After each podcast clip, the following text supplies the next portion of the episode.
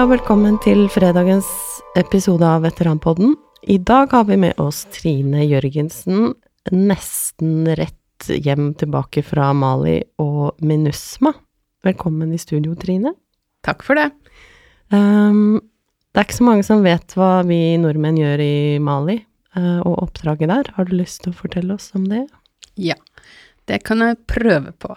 Mali er jo et land i Afrika, i Sør-Vest-Afrika. Og Mali er et ganske stort land. Nøyaktig hvor stort, det får du bare google opp. Men det er et stort land. og eh, FN har jo vært der i noen år nå, og oppdraget til MINUSMA, det er jo at vi skal støtte fredsavtalen som er inngått, og vi skal faktisk beskytte de sivile. Og vi skal støtte at uh, de som skal drive med humanitært arbeid, at de får anledning til å gjøre det. Og vi skal da beskytte FN-personell og FN-utstyr. Og det som er spesielt med FN-misjonen i Mali, det er at vi har et mandat, ikke bare til Eller uh, rules of engagement, ikke bare til å kunne forsvare oss sjøl, men uh, vi kan også bruke våpen hvis det er noen som har planer om å angripe oss. Og det som mm. også er spesielt, det er at faktisk FN er et mål. Så okay. Eh, så da er det noen som planlegger innimellom? Yes. Mm. Så vi har veldig gode ROE. Så vi kan Rules of engagement. Ja, ja, så jeg at det ja. Siri himla med øynene. Mm Yes. Så ja. det, det, er det som gjør at uh, MINUSMA er annerledes enn andre FN-misjoner. Det at vi har uh, et veldig, veldig gode rules of engagement. Har du opplevd noen uh, episoder? Nei. Nei. Nå befinner jeg meg i Bamako, som er hovedstaden i Mali, og mye av urolighetene foregår jo oppe i nord og i Midt-Mali. Mm. Og jeg reiste ned i midten av juni og skal være der i ett år, og nå har jeg vært der i fem måneder. Og jeg har jo da vært med og arrangert minneseremoni for seks FN-soldater som har dødd. Og eh, MINUSMA er jo den FN-misjonen der det er flest dødsfall. Det, operasjonen har jo pågått bare i fire år, og vi har jo over 150 døde FN-soldater. Så Oi. dødstallet er jo veldig, veldig stort, dessverre. Ja. ja. Er det mm, Hva er din rolle, eller hva er det norske oppdraget? Eh, av norske som er i Mali, så har Norge et bidrag som er i Camp Bifrost, som drifter en leir som eh, har Hercules.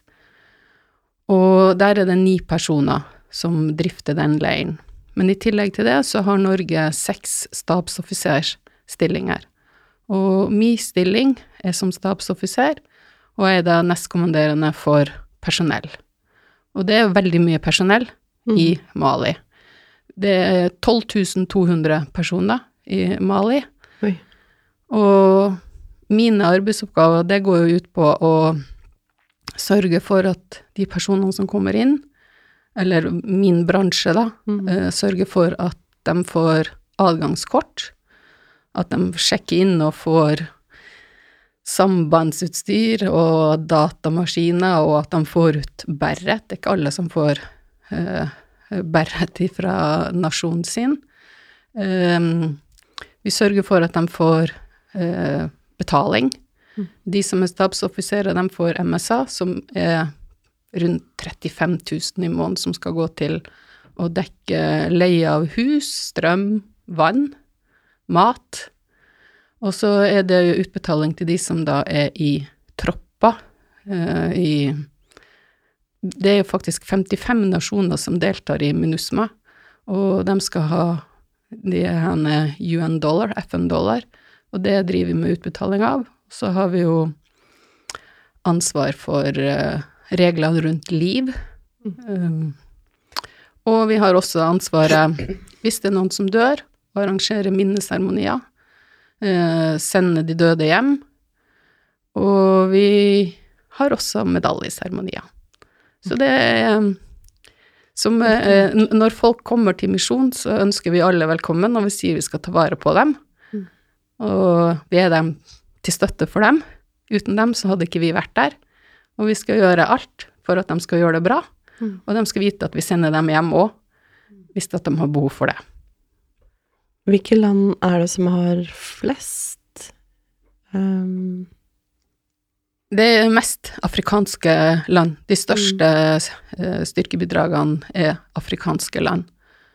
Så og, sånn som øh, øh, styrkene er oppbygd, så vil man gjerne ha afrikanere i mange ledende posisjoner i og med at vi er i Afrika.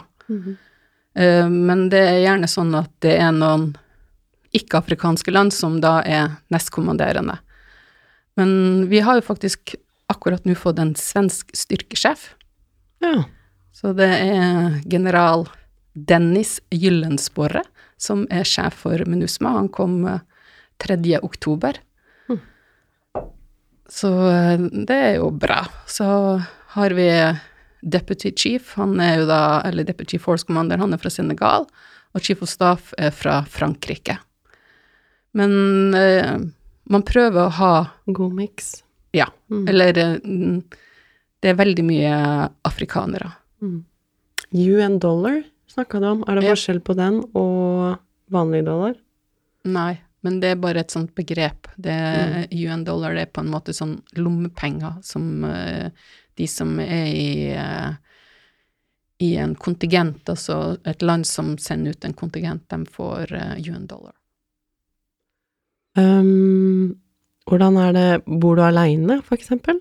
Nei, eh, jeg bor i i et hus nede ved Niger, elva Niger, i lag med akkurat nå to andre norske. Og vi eh, har et hus med svensker som nærmeste nabo, og på andre sida så har vi finner. Og så er det noen fra Østerrike. Men det bor jo også sivile innenfor den samme innhegninga som oss, og selvfølgelig kinesere. Sivile kinesere. Ja. Kineserne i Afrika, selvfølgelig. Ja. Ja. Um, hva Nå har vi jo litt eh, Hva gjør disse kineserne i eh, Mali? De sivile kineserne, de er overalt der det er mulig å tjene penger. Ja. Og i tillegg til å tjene penger, så er jeg helt sikker på at de gjør andre ting òg. Ja. ok. Um, men um, det er ikke Føler du deg utrygg? Bo i Afrika, i sånt område? Nei, jeg føler meg ikke utrygg. Nå bor jo vi også 400 meter fra den norske ambassaden. Det, den norske ambassaden ble jo formelt åpna i februar i år, ut ifra det jeg vet. Og vi har god avtale med ambassaden. Så Men trafikken i Bamako, den eh, er veldig spesiell. Det um, trafikkregler, det, det få som har Oppskrytt? som har opplæring, og det er forskjellige regler i de forskjellige rundkjøringene, og det er jo en dullion av mopeder overalt. Og det er jo svært få som bruker hjelm. Og visstnok så står det da i lovgivninga at hvis du har vært hos frisøren, så trenger du ikke å bruke hjelm. Så jeg tror de går ofte til frisøren. Ja. Ja. Interesting. um, men du har turt å kjøre bil der? Ja, ja, ja. Ja. Jeg kjører Du går ikke fram og tilbake, liksom? Nei, vi bor jo to og en halv mil unna der vi jobber, så det tar jo minimum en halvtime å kjøre til jobb. Ja. Og når vi skal kjøre hjem, så kan det jo ta opp mot en og en halv, to timer å kjøre hjem. Og det er jo første, en av de første gangene jeg kjørte alene, så var det omdirigering, og det ble mørkt, og jeg ante ikke hvor jeg var. Så, men jeg kom frem. Det tok tid, men jeg kom frem. Oi. Ja. Ja. Det hørtes ikke veldig hyggelig ut, men eh, Men jeg har jo Maps.me, det Ja. funker uten internett, så det gikk fint. ja. Du er en tøff dame, Trine. Um, uh, hvordan er det å jobbe i en misjon med 55 nasjoner? Med så mange nasjoner, så er det jo mange forskjellige typer kultur. Og eh, common sense er jo ikke common sense. Og bare på mitt kontor så er vi jo ti stykker, og vi er ti forskjellige nasjoner. Eh, jeg er den eneste europeeren. Jeg er den eneste kvinnen. Um, så det er interessant, kan man si. Men man lærer jo å kjenne hverandre. Det gjør man jo. Men jeg syns jo det er interessant når folk kommer og sier 'good morning, sir' til meg. Og da eh, har jeg jo skjønt at spesielt i sånn østasisk Ja, Bangladesh, for eksempel. I Bangladesh så sier man 'sir' til damer når de ja. snakker engelsk. Så jeg driver mye med opplæring i at eh, jeg ikke syns det er veldig hyggelig å bli kalt sir, siden jeg ikke er mann, og at de da gjenkjenner meg som mann. Og så sier de 'Å, beklager, beklager, men uh, vi, sier sir i Bangladesh'. Men uh, nå er du ikke i Bangladesh, nå er du i Mali, og du snakker engelsk. Så hvis du skal ha tenkt å si noe høflig til meg, så kan du si ma'am. Ja. Så det er daglig jeg får høre 'good morning, sir'. Og hver dag så sier jeg fra at nei, jeg er ikke sir. Nei. Og også på e-post. Så eh, har min egen lille misjon med å gjøre folk bevisst på at uh, det er faktisk både kvinner og menn i den uh, misjonen her, og ja. Ah. Um, hva er den største utfordringa i jobben, da? Er det nettopp det? Kulturforskjellene? Nei, jeg vil jo si at uh, når folk dør, så er det jeg som går og snakker med senior national representative mm. og kondolerer, og fortelle dem hvilke arbeidsoppgaver de har som senior national representative. Og det er jo veldig forskjellig hvordan man reagerer når folk dør. Mm. Uh, og den første minneseremonien vi hadde, da var jeg veldig overraska. Da var det noen fra Burkina Faso, og det er en soldat fra den avdelinga til den avdøde som holder tale. Også fra den norske kulturen så er jeg vant med at ok, man holder en tale, man er litt sånn lavmælt, uh, men seriøs, og, og for, forteller om den som er død. Og uh, på minneseremonien så er det jo litt marsjering og sånn, og da blir det jo sånn når de går som en hane Det ser helt sykt ut, denne marsjeringa. Man blir nesten flirfull, sjøl om det er dypt seriøst, det som pågår. Og når de da skal gå og holde talen, så foregår veldig mye på fransk, og jeg snakker ikke fransk, men det er jo da en engelskspråklig misjon. Men når talen starter med at man står og roper, eh, da blir jeg liksom Oi, her er det litt annerledes enn det jeg er vant til. Så det ble jeg veldig overraska over. Fikk du vite hva de ropte, da? Uh, nei. Men det er den, den minneseremonien, den, den, er veldig spesiell. Men vi har alltid en generalprøve dagen før, der man øver på å marsjere og bære kister og legge ned krans og medalje og uh, Ja, så at alle sammen vet hva som skal foregå. Og det er jo ikke uvanlig at folk også besvimer under de her minneseremoniene. Ja, for varmen har vi kanskje ikke snakka om ennå. Nei. Men eh, akkurat nå så er det jo sånn mellom 30 og 40 varmegrader.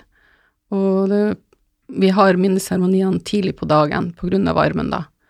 Men eh, det syns jeg går greit. Men det er jo klart, for, for enkelte så er det jo en ting eh, at det er varmt. Uh, men det er jo en del følelser som er i sving, for man innser at det er faktisk noen som er død, mm. og at det har konsekvenser for uh, den som er død, og dem som er, er rundt. Så det er Trist. Ja. ja. vi vet jo også at du har vært i Afghanistan. Når var du der? Eh, jeg var i Afghanistan i 2012. Da var jeg der som gender advisor. Det er sikkert derfor jeg er så nazi på det der å bli omkalt som sir. Ja. ja, hva besto jobben av i Afghanistan, da?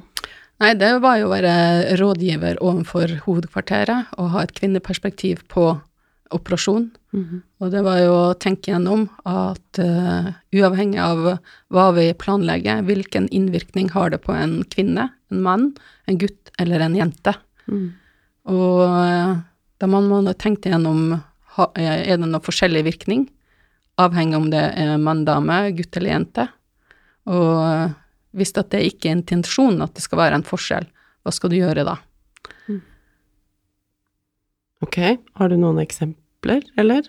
Ja, eh, fra Afghanistan, så mm, hvis vi hadde en eh, eh, sånn information operation for å påvirke befolkninga mm. Hvis du har en, en melding som går ut på radio eh, 'Brødre, hold hender, og vi skal bygge landet', eh, er intensjonen at du skal utelukke 50% av befolkninga? Skal ikke alle være med å bygge landet? Eh, hva, hva tenker du? Eh, og da ble den meldinga endra, så at man inkluderte alle. Sånn at man må tenke gjennom hvilke meldinger man gir. Bra. Um, tilbake til Mali. Hva Hvor lenge du har fram til sommeren? Ja, jeg skal være der til slutten av juni. Snakka vi om hvor mange norske som var der? Ja, det er ni stykker eh, i Camp Bifrost, og så er vi seks stykker som er stabsoffiserer. Ja. Militære stabsoffiserer. Og det kommer til å holde seg på det nivået, tror du, eller? Ja. Mm. Eller jeg vil si at i mai neste år så skal jo Norge sende Hercules-bidrag. Så da blir vi å øke ganske mye. Mhm. Hvilke andre samarbeidspartnere er det i Mali? I Mali, i tillegg til at vi har MINUSMA, så er det andre partnere som er med og skal bidra til at Mali skal bli et bra land å bo i igjen. Og da har vi Barkan, som er fransk misjon. Og så har vi Fama, som er de maliske militærstyrkene. Så har vi J5 Sahel, som er styrker fra Sahel-beltet. Og så har vi European Union Training Mission. Så det er mange som er med å bidra. Og Barkan, Fama og J5 Shahel, de er på en måte sverdet. Det er dem som skal ut og ta skalper, og så ta terrorister, opprørere. Mens eh, FN, vi er skjoldet. Vi skal beskytte eh. Men vi samarbeider jo med de andre partnerne. Og MINUSMA består jo av både av Forsvaret, altså Force, og så har vi Police, og så har vi den sivile delen. Og MINUSMA er jo leda av sivile. Og det kan jo være utfordrende når man skal ha en integrert misjon, der man skal samarbeide med både politi og de sivile og Force. Og i Force så har vi jo engelsk som misjonsspråk. I politiet så har man fransk som misjonsspråk.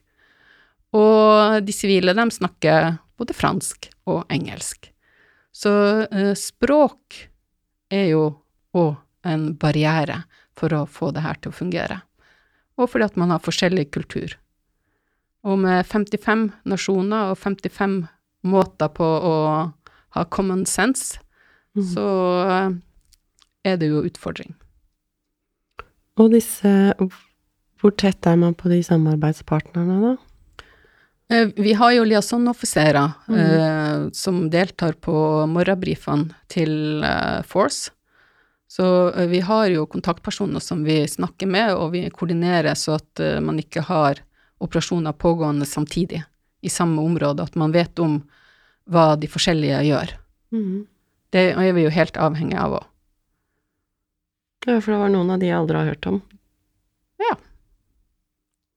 Da håper jeg at ikke jeg er alene om det, men uh, um, Hva den uh, European Training Mission, Mission? Ja. Mm. de trener jo opp uh, politi og malisk politi og, og malisk forsvar. Mm. Og Fama? Det er malisk forsvar. Nei, ellers så kan jeg jo si at uh, i jobbhverdagen min så samarbeider jeg jo mye med New York, for det er jo New York uh, som eh, rekrutterer personell som skal komme til misjon, og så tar vi imot dem. Så vi har mye dialog med dem for å få folk til å dekke alle stillingene vi har. Og det er jo en sånn troop ceiling på at vi kan ha 13.289 boots on the ground. Med, så vi kan ikke ha flere enn det, for da, eh, hvis vi har flere enn det, så blir det brudd på avtalen med maliske myndigheter. Så eh, man må ha kontroll på hvor mange soldater vi har. Mm. Så må vi prøve å rekruttere de riktige. Og eh, enkelte land har jo en kultur som gjør at de, når de skal skrive sin CV, forteller om sine gode språkkunnskaper og eh, datakunnskaper og kjøre bil-kompetanse. Så vi opplever jo at folk sier at de har sertifikat, men det er jo forskjellig kultur på hvordan man får et sertifikat. Og det er jo ikke alle som da kan kjøre bil. Eh, men jeg må jo innrømme at jeg strøyk første gang, fordi vi måtte lukeparkere første gang. I, uh, og det hadde jeg ikke gjort mer enn kanskje åtte ganger på 30 år. Så kom, fikk en svær bil som du aldri har kjørt før, kjør ti meter, lukeparker. Men jeg klarte det andre gangen. Uh, Så du måtte opp der nede på en kjøretest? Ja. Mhm. alle, uh, alle må det. Men hvis du stryker tre ganger, så er det grunn til å bli sendt hjem. Um, men eh, når det gjelder språk, så er det veldig variert eh, hvor flinke folk er i språk. Og det er jo klart at eh, hvis at du har noen som snakker sykt bra fransk, men ikke så bra engelsk, og du er bransjesjef, så er det ikke så lett å lede den bransjen. Det er nesten som å være blind og døv. Mm. Når du ikke kan lese e-poster og må bruke andre til å være tolk for deg. Eh, Og ha andre folk for å skrive e-posten for deg, så Ja, Ja, det hørtes tungvint ut. Og så er det ikke så lett heller å sende hjem folk, for hvis du sender hjem folk fordi at de er udugelige, fordi at de har løyet på ting, så vet vi jo ikke hva som skjer med dem når de kommer til hjemlandet sitt heller. Så det er liksom tvega sverd. Men er det noe forbedring i landet, da? Føler man liksom at dette har en virkning, og vi, vi gjør en bra jobb? Det er for tidlig å si. Mm. Det å endre, det går jo ikke så fort. Det gjør det ikke. Men eh, vi har jo akkurat starta med denne eh, DDR-prosessen, og DDR, det betyr da demobilisering, disarmament og reintegration. Det vil si at man har eh, leirer der tidligere stridende, maliske stridende, kommer og leverer inn våpnene sine, og så skal de bli reintegrert tilbake i samfunnet. Og den prosessen har akkurat starta. Eh, starta nå i begynnelsen av november. Men vi har jo dessverre hatt angrep, så det er jo folk som har kommet og meldt seg for å skal bli eh, eh, demobilisert, som ble blitt drept på vei inn der. Så eh, ja, det Ja. har et tak. Ikke bra. Eh, når du kommer hjem fra Mali, hva skal du gjøre da? Da skal jeg jobbe på Forsvarets høgskole. Det har jo vært en omorganisering, så den stillinga jeg hadde før jeg reiste ned, den er jo borte. Oi, Så jeg er innplassert i ei anna stilling. Så da får vi se om den stillinga er der når jeg kommer tilbake. ja. Ja. Det skjønner jeg. Um, du reiser nedover i løpet av kort tid, så du skal feire jul der nede, da? Nei, jeg skal reise hjem og feire jul. Å, så bra. Ja, det er bra. Men da får du 17. mai kanskje der nede? Det vil jeg tro at jeg får. Ja. Har du Ja. feira noen av disse dagene ute før? Ja, det har jeg gjort når jeg var i Libanon i 1992. Da, da feira jeg både jul og 17. mai i Eblelsaki. Eblel Saki. Der er det en fin historie jeg syns du må fortelle. om jul. Ja!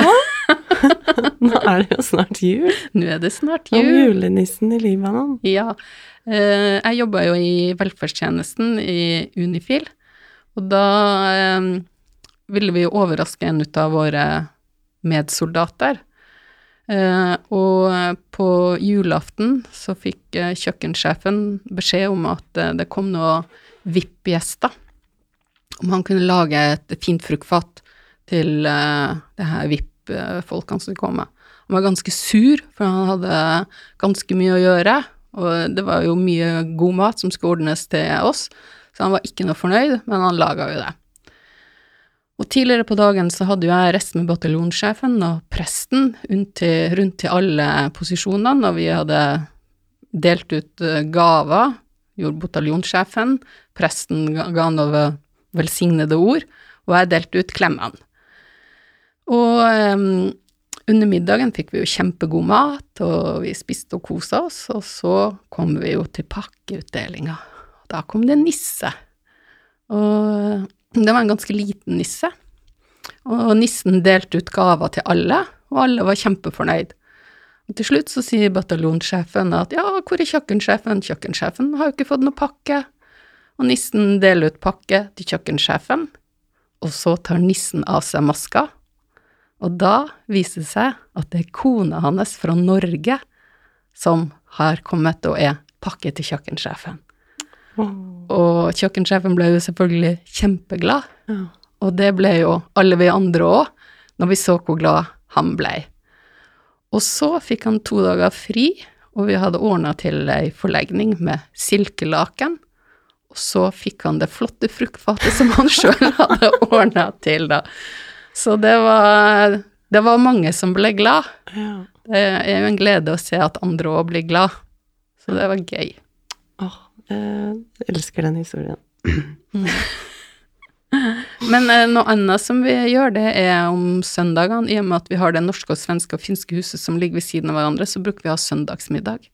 Oi! Så det er veldig hyggelig. Så da går det på rundgang, og da har vi toretters middag. Og da er det liksom eh, hver nasjon som disker opp med noe mat. Og det blir veldig hyggelig når vi norske lager mat i lag og serverer til de andre.